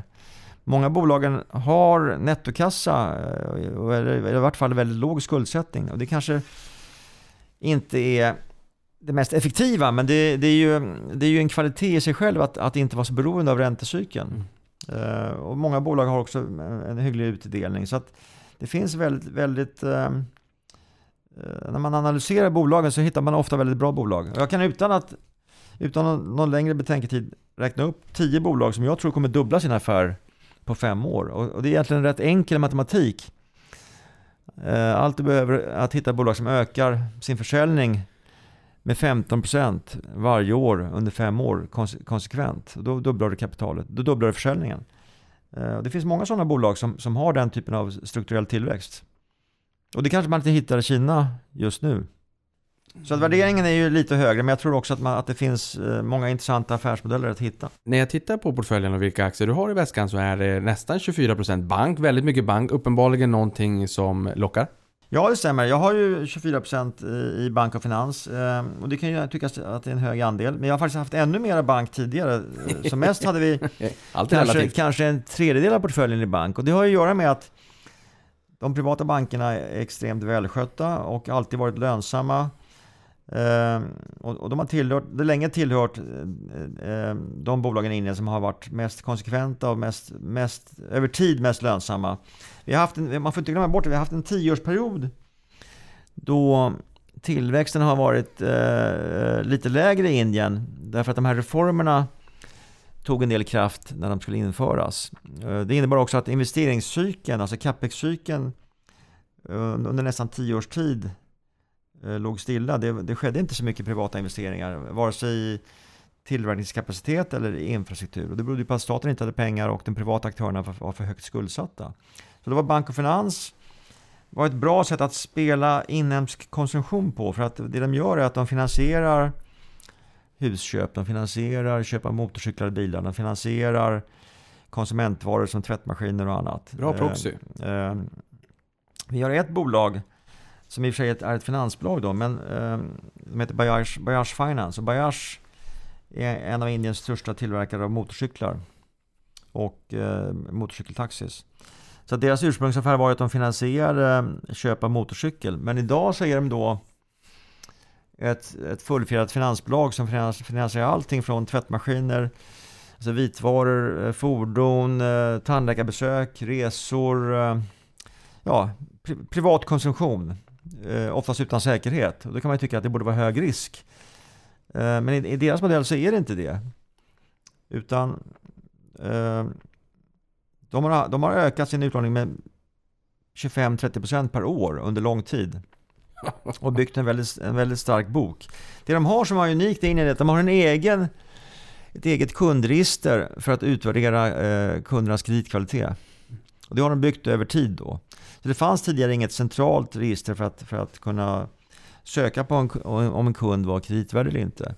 Så när man går in i en, en vitvaruaffär i Indien och, och, och de har Bajars finansiering på disken. Då kan man få svar inom tre minuter på om man får pengarna eller inte. Ah, okay. Det tyckte jag var rätt imponerande. Det andra som, jag, som imponerade mig när jag först träffade dem för tio år sedan, det var det att de har samma, alltså räntenivåerna i Indien har ju aldrig varit nere på noll. Utan ett konsumentlån kanske kostar 15-20%. Men, men, men de har ändå kunnat erbjuda så kallade nollränteupplägg. Alltså avbetalning på 24 månader med noll i ränta. Det har de gjort därför att de har gått till Samsung eller LG och sagt det. Ja men nu ska vi köpa en miljon tvättmaskiner här. Vi vill ha 20% rabatt på, på stocken. Så de har gått till tillverkarna och fått, till, eh, fått eh, rabatter från tillverkningsledet och det har ju utgjort deras avkastning. Och då har de alltså kunnat leverera lån till kunderna eh, utan någon större avgift och det har drivit affären. Eh, Så det tyckte jag var rätt smart. Ja, det tycker jag är supersmart. Eh, Förutom att, så det här bolaget har vi ägt i tio år. Jag tror vi har tredubblat pengarna. Eh, eh, Så de har ju, de har ju en räntemarginal på strax under 10%. De har vuxit affären eh, över tid, minst 20% över tid. Det var något år som de hade lite lägre. Eh, Och kreditförlusterna ligger på, på under 1,5%.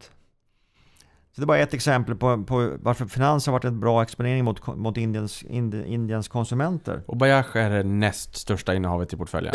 Ja, det har blivit det. Det har vi, blivit. har, vi, har Ja, bara, vi, har exakt. bara, vi har bara köpt mer, vi har aldrig sålt några aktier. Det är delikat, jag älskar det. Det har blivit det. Då inser man att det har varit en god affär. Ja, jag gör som min morfar, jag bara köper aktier, vi säljer aldrig. Magiskt. Eh, men eh, det var en sidonot. Eh, men alltså, så att, eh, sen har vi HDFC Bank, de har jag följt i över 20 års tid. Jag bara titta på det 98. Det, det är intressant med HDFC Bank för man behöver aldrig läsa kvartalsrapporten. Det är alltid samma siffror varje kvartal i stort sett. Och det är så här att vi, utlåningen ökar med 20-22% varje kvartal. Och det är ju för att de tar marknadsandelar från, från, de, från de statsägda bankerna som inte är välskötta. Räntemarginalerna har historiskt alltid legat mellan, eh, mellan 3 och 4 procent, ibland över 4. Och eh, nödlidande lån ligger typiskt på 1,4 procent och kreditkostnaden ligger på 0,7. Och så har det varit varje kvartal i 20 års tid. Det är väldigt, väldigt välskött. Och, de har, och det beror ju på att de har en, en stor huslånestock, så deras moderbolag kan jämföras med Stadshypotek i Sverige, att de har en huslåneportfölj eh, som både växer och som aldrig skapar några förluster. Så det är ju ett praktexempel på, på ett bolag som skapar bra avkastning till väldigt låg risk.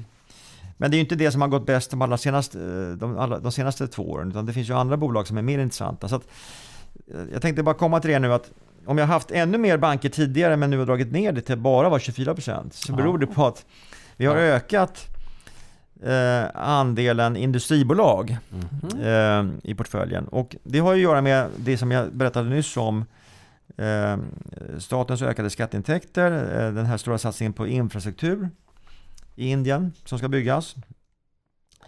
Eh, och när nu capex-cykeln sätter igång efter tio år så är det väldigt mycket material som ska levereras in till de här olika projekten. Så att vi har ju valt att inte investera så mycket i på projektnivån. Alltså det är inte, inte de som ska bygga kraftverket eller motorvägen eller, eller eh, vindparken eller den här förnybara energin. För att de som ska bygga projektet, där krävs det en rätt, en rätt skruvad balansräkning, det vill säga hög skuldsättning och det gillar inte vi.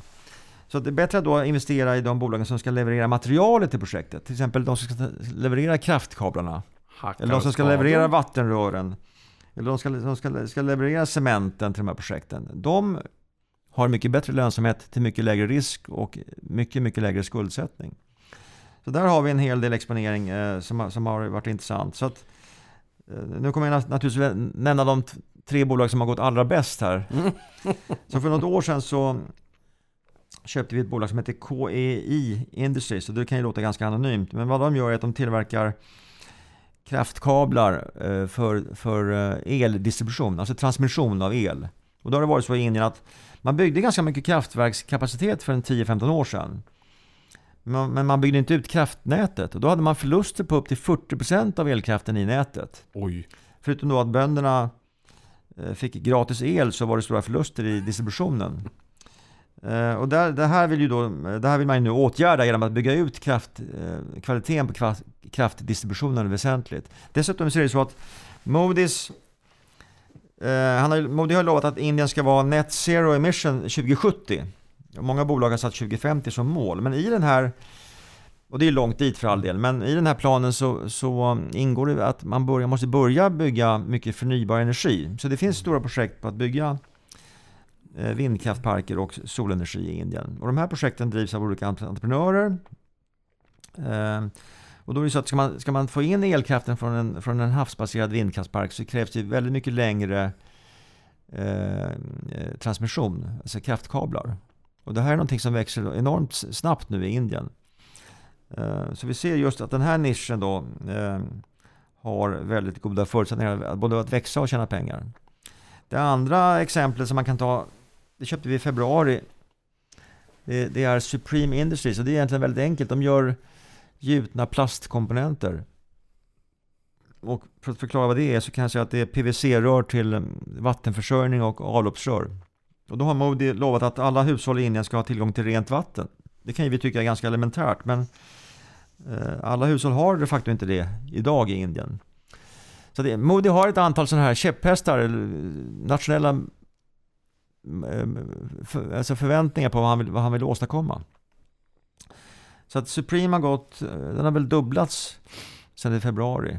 Och KI Industries som jag nämnde först är upp 80% på ett år. Just. Det finns några exempel till då. Så att det här hänger ju också ihop med att det här är lite mindre bolag. De ligger på 2-3 miljarder dollar i, i, i, i, i börsvärde, så de är lite mindre.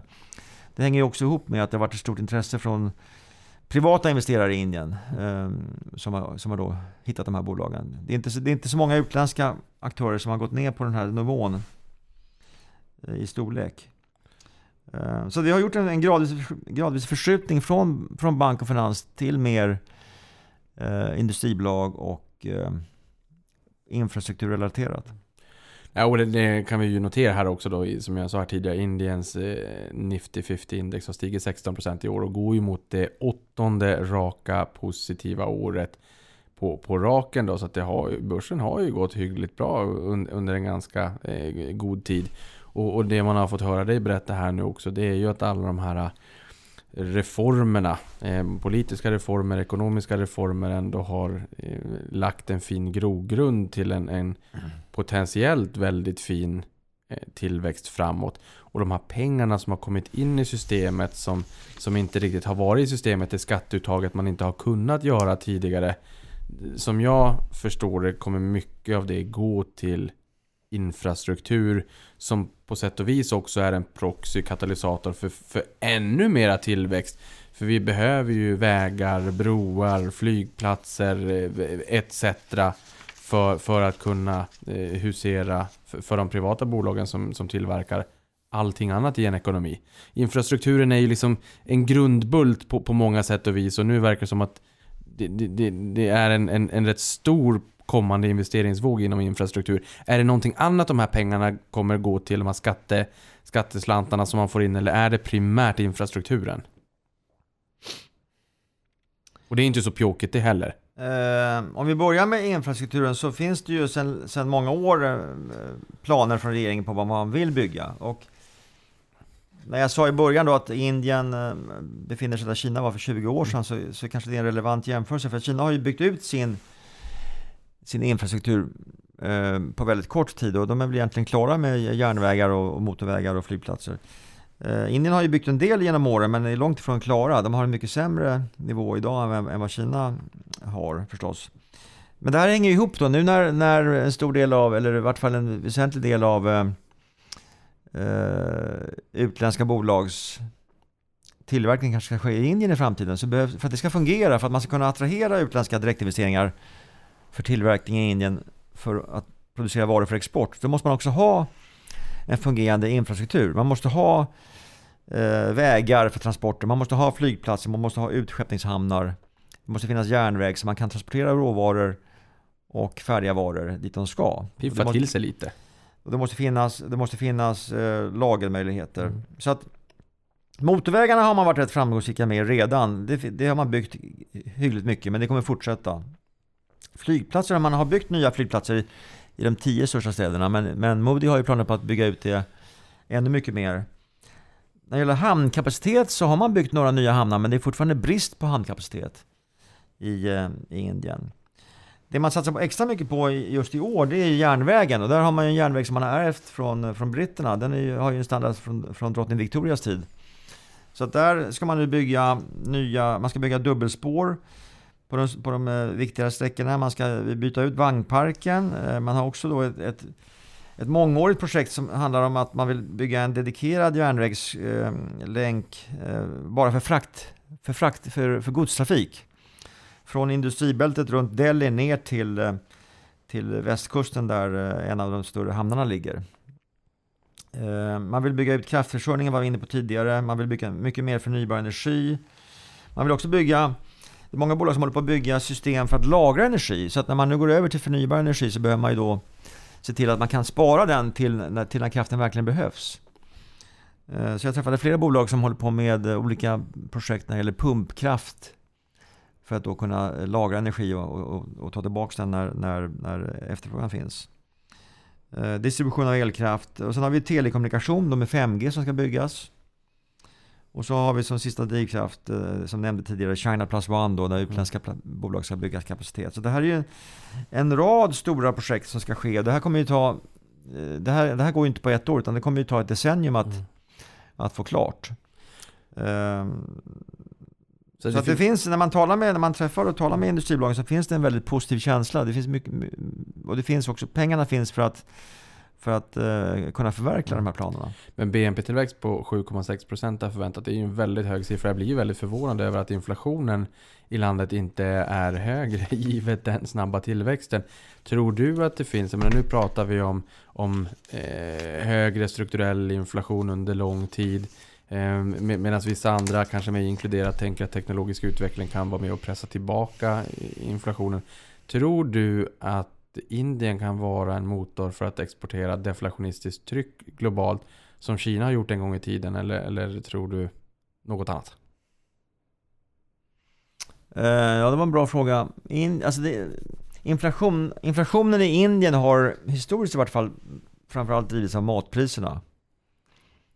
Ehm, och det det är en stor komponent när man räknar inflation i Indien. Sen är det klart att i och med att man, man har varit beroende av att importera energi så har ju naturligtvis energipriserna, olja och gaspriserna som styrs globalt, det har ju varit en, en, eh, påverkat inflationen väldigt mycket. Just nu så är oljepriset nere på lägre nivåer så nu, nu är det ingen, ingen, ingen stor risk. Men om oljan går över 100 dollar så är det ju naturligtvis negativt eh, för indisk inflation. Men kan de exportera deflationistiskt tryck till omvärlden på Det- grund av lägre arbetskostnader etc?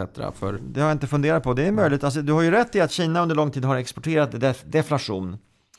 Ehm, och det har att göra med att västvärldens bolag under 30 års tid har outsourcat produktion till Kina till, till lägre kostnad. Och sen har vi köpt de varorna som produceras där. Så att, till, till stor del under, under flera decennier så har ju västvärldens invånares eh, reallöneförstärkning drivits av att man har kunnat köpa billiga konsumentvaror från Kina. Det som har hänt nu är ju att eh, när, när, när Trump införde handelskrig 2018 och det har blivit så mycket handelshinder plus att, att försörjningskedjorna eh, fungerade sämre under pandemin. Och om man dessutom lägger till att arbetskraftskostnaderna i Kina har stigit väsentligt så de senaste åren så har ju många av de här billiga konsumentvarorna blivit väsentligt dyrare. Och det är också därför tror jag som många globala producenter har ett behov av att, att flytta produktionen till andra länder, då, till Vietnam och kanske till, till Indien.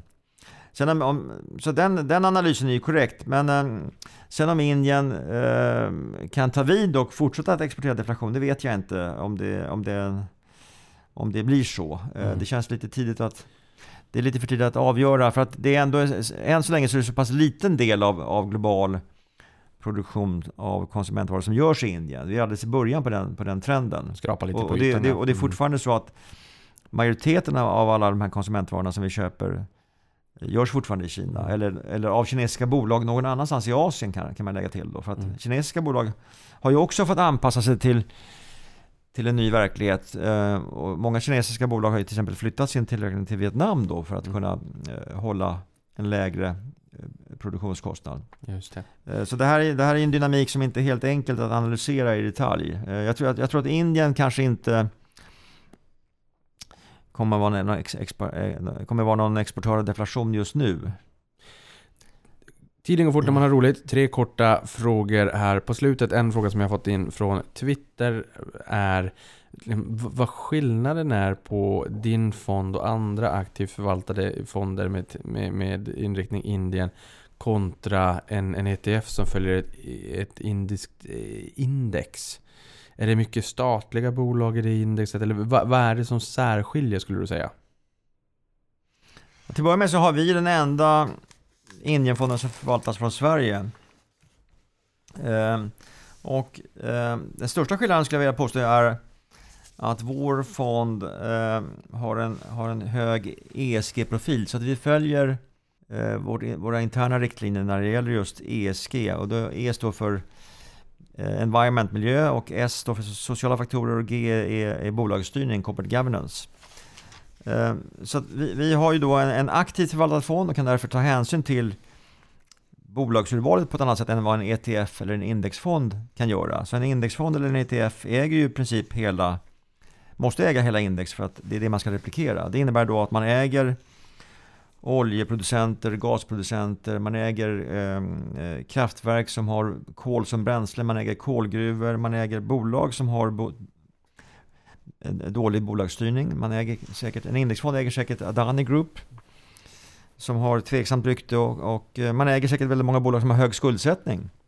Så att det här är ju bolag som vi, eller sektorer som vi undviker. Så att i, i vår Indienfond så exkluderar vi alkohol, tobak, eh, vapentillverkare, kolkraftverk, kolgruvor eh, och olja och gasproducenter. Eh, så det är ju en väldigt viktig skillnad tycker vi. Eh, Och då är det ändå så att vår fond ligger väl till när man jämför avkastningen med, med, med andra fonder som har samma placeringsinriktning.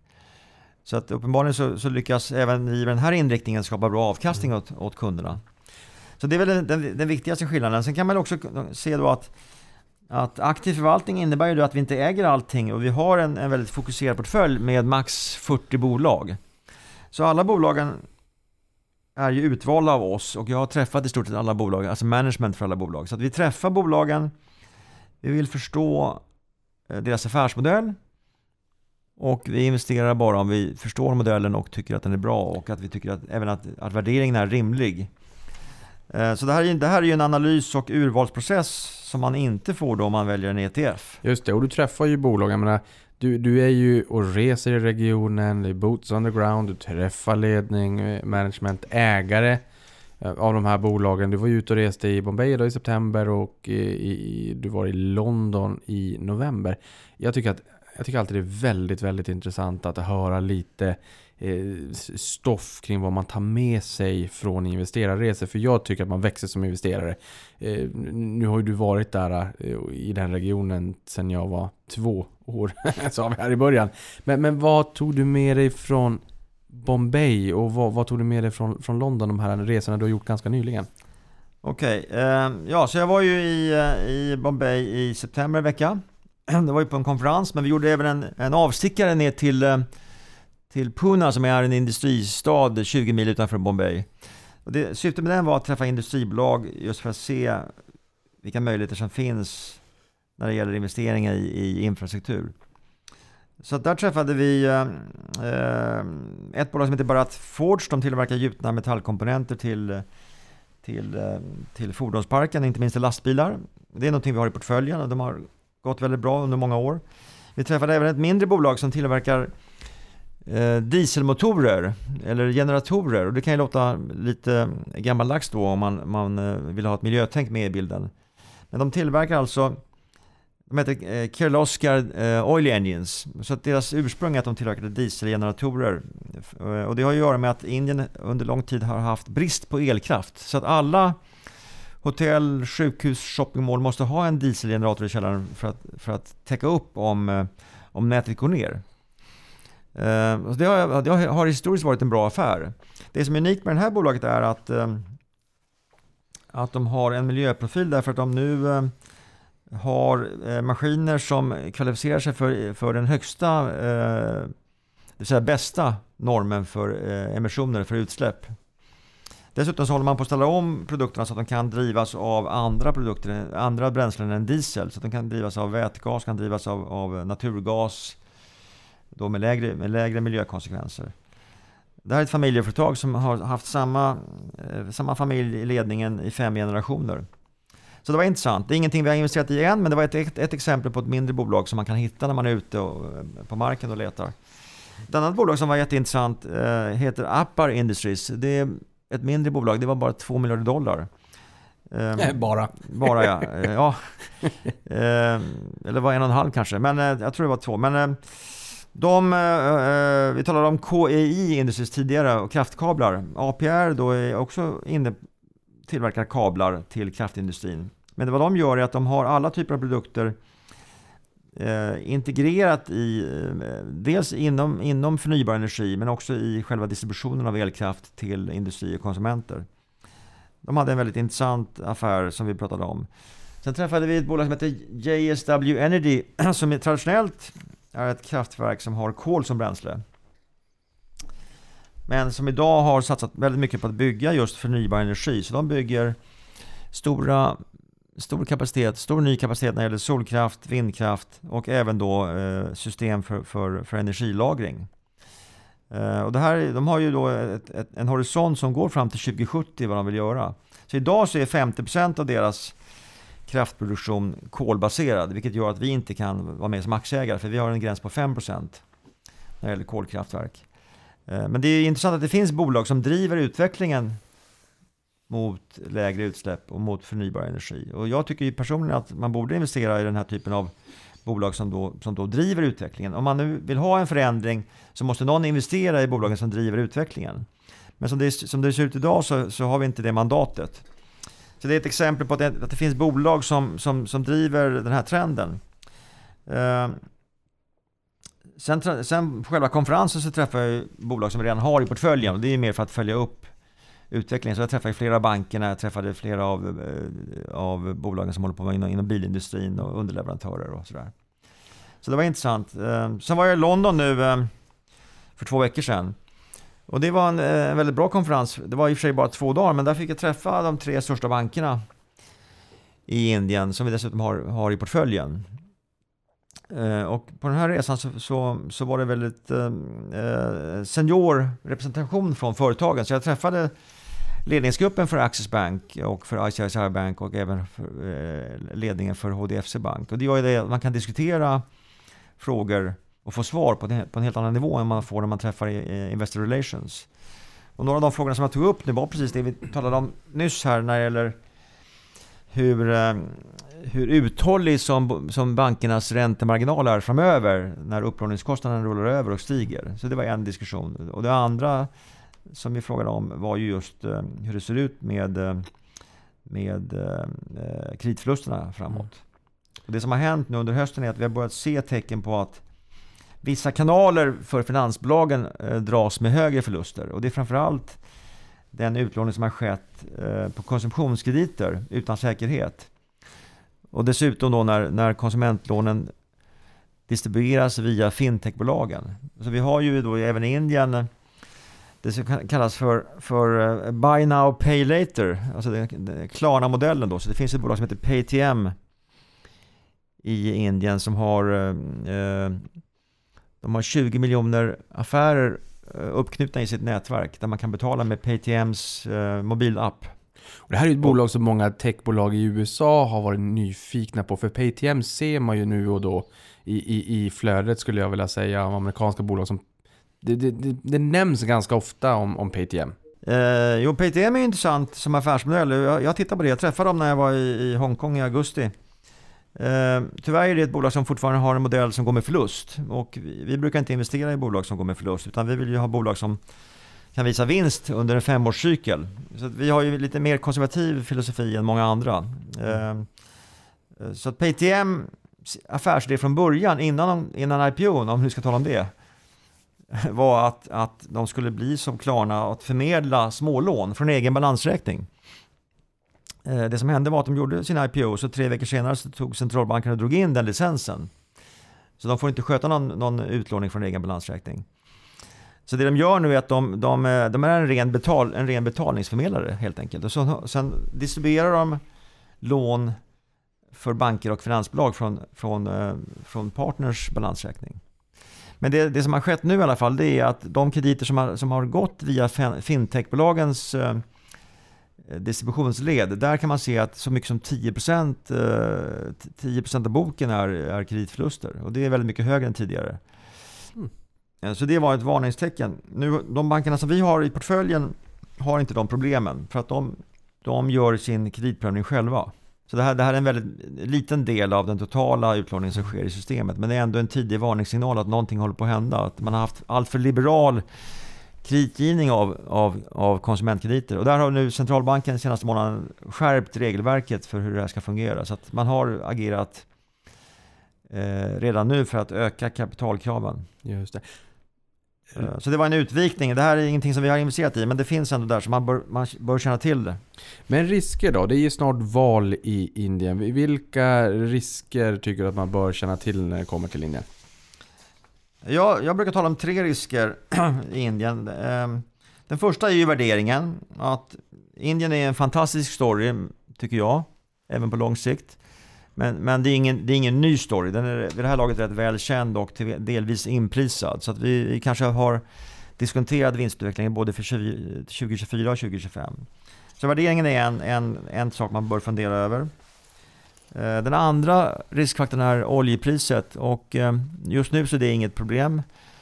Eh, Trots att det då är oro i Mellanöstern som borde leda till högre oljepris så- så, ligger oljan mycket lägre än, vad, än, än förväntat. Så det är först när oljan, om oljan skulle stiga över 100 dollar så blir det ett problem för Indien. För att då får det påverkan på statsbudgeten och statens finanser. I och med att då underskottet ökar. Så det är någonting man kan hålla utkik efter. Så den tredje risken är då att Indien eh, under våren 2024 ska ha nationella val. Och då har Narendra Modi och BJP-partiet styrt Indien eh, sedan, 2014, eh, alltså 10 år. Eh, och då är ju frågan om, om hans administration kan, kan få fortsätta. Och det finns inga legala hinder att sitta en tredje period. Så det, det är inget problem. Däremot måste man då fundera på vilket stöd de har. Eh, då kan man ju bara konstatera att ingen indisk premiärminister sen, eh, sen Nehru då, som var Indiens första premiärminister när man blev självständig 1947, har lyckats sitta mer än två perioder. Så att eh, det, det har varit två perioder och sen har, har, sen har man bytt, bytt regering. Eh, Men de flesta som jag talar med tror ändå att Modi kan, kan lyckas vinna det här valet. Och det som hände nu i, i november-december var att man hade, dels, man hade val i fyra av de här delstaterna.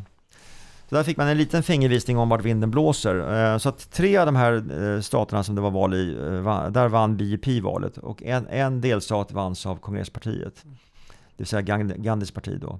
Men tittar man på, man, på opinionsundersökningen i, i Indien som det varit under hösten så är det så att BJP har väldigt starkt stöd. Man har själva stöd av 53% av, eh, av befolkningen. Och tar man in sina, eh, sina partners i koalitionsregeringen så har man stöd av ytterligare 4%. Kongresspartiet som är då Gandhis gamla parti, som är den största, det största oppositionspartiet, de har bara stöd av 13% av befolkningen. Så att det känns som att oppositionen är väldigt splittrad.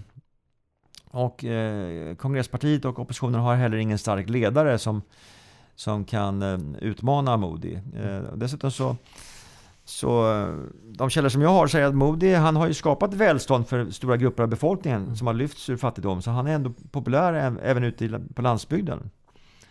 Eh, och det, det talar ju för att han ska kunna vinna det här valet då. Så att, Just det. Sista frågan då. Vi har fått in en fråga från eh, Twitter, från han kallar sig Jannebror, som säger Be Gunnar klargöra lite kring Adani. Har, ja, har väl inte askoll, men är väl anledningen till varför man är lite skeptisk mot Indien. Hur viktigt är de- då för den indiska ekonomin som helhet? Ja, det är en relevant fråga, absolut. Eh, vi ska ta den också.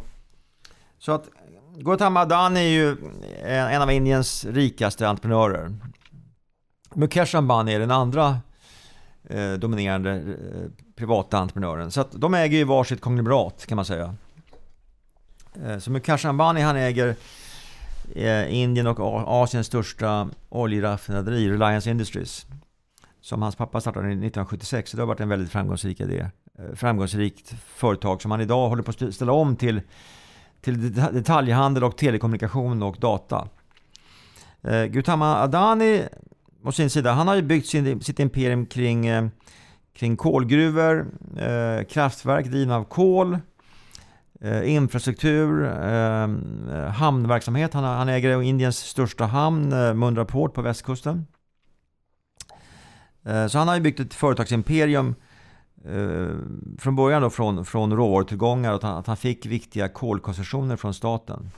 Han ligger också väldigt nära eh, Narendra Modi, så de har en bra relation och han har, fått, han har vunnit flera viktiga koncessioner, alltså kontrakt från staten.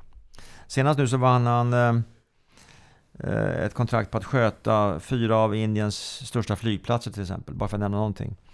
Så det, det finns ju många som misstänker eller, eller eh, talar om, om vänskapskorruption eller att han har vunnit de här kontrakten tack vare sin starka ställning och sin, sin, sin, relation till Moody. Och det ligger väl någonting i det, men det har varit svårt att bevisa. Det som har hänt i år är ju att en amerikansk hedgefond som heter Hindenburg har då eh, i våras kom en rapport som anklagade Adani-gruppen för ett antal, ett antal eh, incidenter. Då ska man komma ihåg att Hindenburg har en affärsidé som går ut på att man, man, att man, man skriver egen analys om någonting. I det här fallet då med negativa kritiska punkter mot Adani-gruppen. Samtidigt som man själva har tagit en position i marknaden genom att blanka de här företagen. Så att man har ju ett eget intresse av att sprida den typen av information som gynnar den egna, den egna positionen. Lite känt från Wirecard i Tyskland också. Ja, jag har alltid tyckt att det här förhållandet har varit väldigt märkligt. Det finns mm. flera sådana här aktörer. Det finns eh, Muddy Water som drar till. Eh, och Viceroy? I det Sverige? Finns, det, det, finns säkert. Eh, eh, jag kan ju tycka att, att eh, det ligger rätt nära gränsen för marknadsmissbruk. Men tydligen så är det i alla fall tillåtet i USA.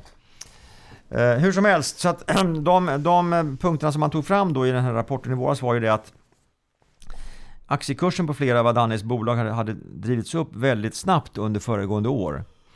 Sen kan man också notera att de här bolagen har väldigt, väldigt hög skuldsättning. Ehm, och då att, att Adani-gruppen, eller att, att eh, Adani själv har då pansat, hade pansat han är, han, är, han är ju majoritetsägare i de här Adani-bolagen. Det är väldigt liten free float. Men det man anklagade honom för var att han hade pansat aktierna ehm, för att få lån i bankerna för att kunna investera i nya projekt. Och att han själv hade drivit upp aktiekursen via utländska skalbolag. Det här har man, nu inte lyckats bevisa. Eh, det ligger säkert ett korn av sanning i det här skulle jag tro. Men, men senast nu i november så var det en indisk domstol som, som avskrev de här, de här eh, anklagelserna. Det, gick aldrig till åtal men, men man hade undersökt saken och kunde, kunde inte föra bevis att det var så. Eh, men man kan ju notera att, att eh, Adani Enterprise som är Adanis holdingbolag, de har ju intressen i en rad olika sektorer. Sen har han ju också byggt upp nya bolag som ska förverkliga Narendra Modis dröm om, om en green transitioning, det vill säga att styra Indien mot målet eh, nollutsläpp 2070. Så att Moody, staten kan ju naturligtvis investera eh, för, att, för, att få det här, för att nå de här målen, men han, också, han behöver också hjälp från sina bundsförvanter, eh, både Adani och Mukesh Ambani, att, att göra det här. Så att båda de här företagsgrupperna investerar stora summor i, i i omställningen till ett grönare samhälle och förnybar energi. Så när det gäller, när det gäller Adani-gruppen så har han då eh, två bolag som är viktiga. Det ena heter Adani Green. De håller på med, eh, med eh, solkraftparker och vindkraftparker. Det andra heter Adani Transmission och de har investerat i kraftnät, alltså elkraftdistribution. Det ena bolaget har en skuldsättning på 12 gånger eget kapital och det andra på nio gånger eget kapital. Och, eh, finansieringen är, ligger i utländska obligationer på 9-10% i företagsobligationer som då ska rullas när de förfaller. De är ganska korta. Så det är, båda bolag har en väsentlig eh, risk i balansräkningen. Förutom då att även om själva koncessionen som löper på 25 år går att räkna hem då med en DCF-kalkyl så ändras ju förutsättningarna ganska dramatiskt när, när kapitalkostnaden ändras. Um, så vi har inte investerat i Adani-gruppen och jag känner inte till någon indisk aktiefond, i vart fall inte utländsk aktiefond, som har de här bolagen. Därför att det det är väldigt hög operativ risk, förutom då att de här ryktena om dålig bolagsstyrning finns där. Ehm, det som har hänt nu var att när, när Hindenburg kom ut med sin rapport i mars så, så följer aktiekursen väldigt kraftigt. Ehm, så det har varit eh, några av de sämsta bolagen på börsen i år. Ehm, men nu då nyligen när den här indiska domstolen eh, klargjorde att det inte fanns några misstankar, då har aktiekursen gått upp 50% på två veckor. Så det är väldigt kraftiga rörelser och, och det är lite märkligt med tanke på att free float eh, är så låg. Då kan man ju fundera på vem det är som driver upp kursen, vem vem som faktiskt äger de här aktierna. Och det är ju Adani själv, han äger 65-70%. Resten är ju då eh, småsparare, indiska privatpersoner som spekulerar i de här bolagen. Så det är ju väldigt hög risknivå. Herregud, vilket fantastiskt svar på den Twitterfrågan. Gunnar, tiden går fort när man har roligt. Det här har varit ett maraton. Du är en aldrig sinande kunskapskälla. Tusen tack för att du tog dig tiden att komma hit och öka mitt och mina lyssnares eh, humankapital kring Indien. Tack Niklas, det är alltid ett nöje att få komma hit och tala med dig. Och stort tack för att du lyssnade på det här.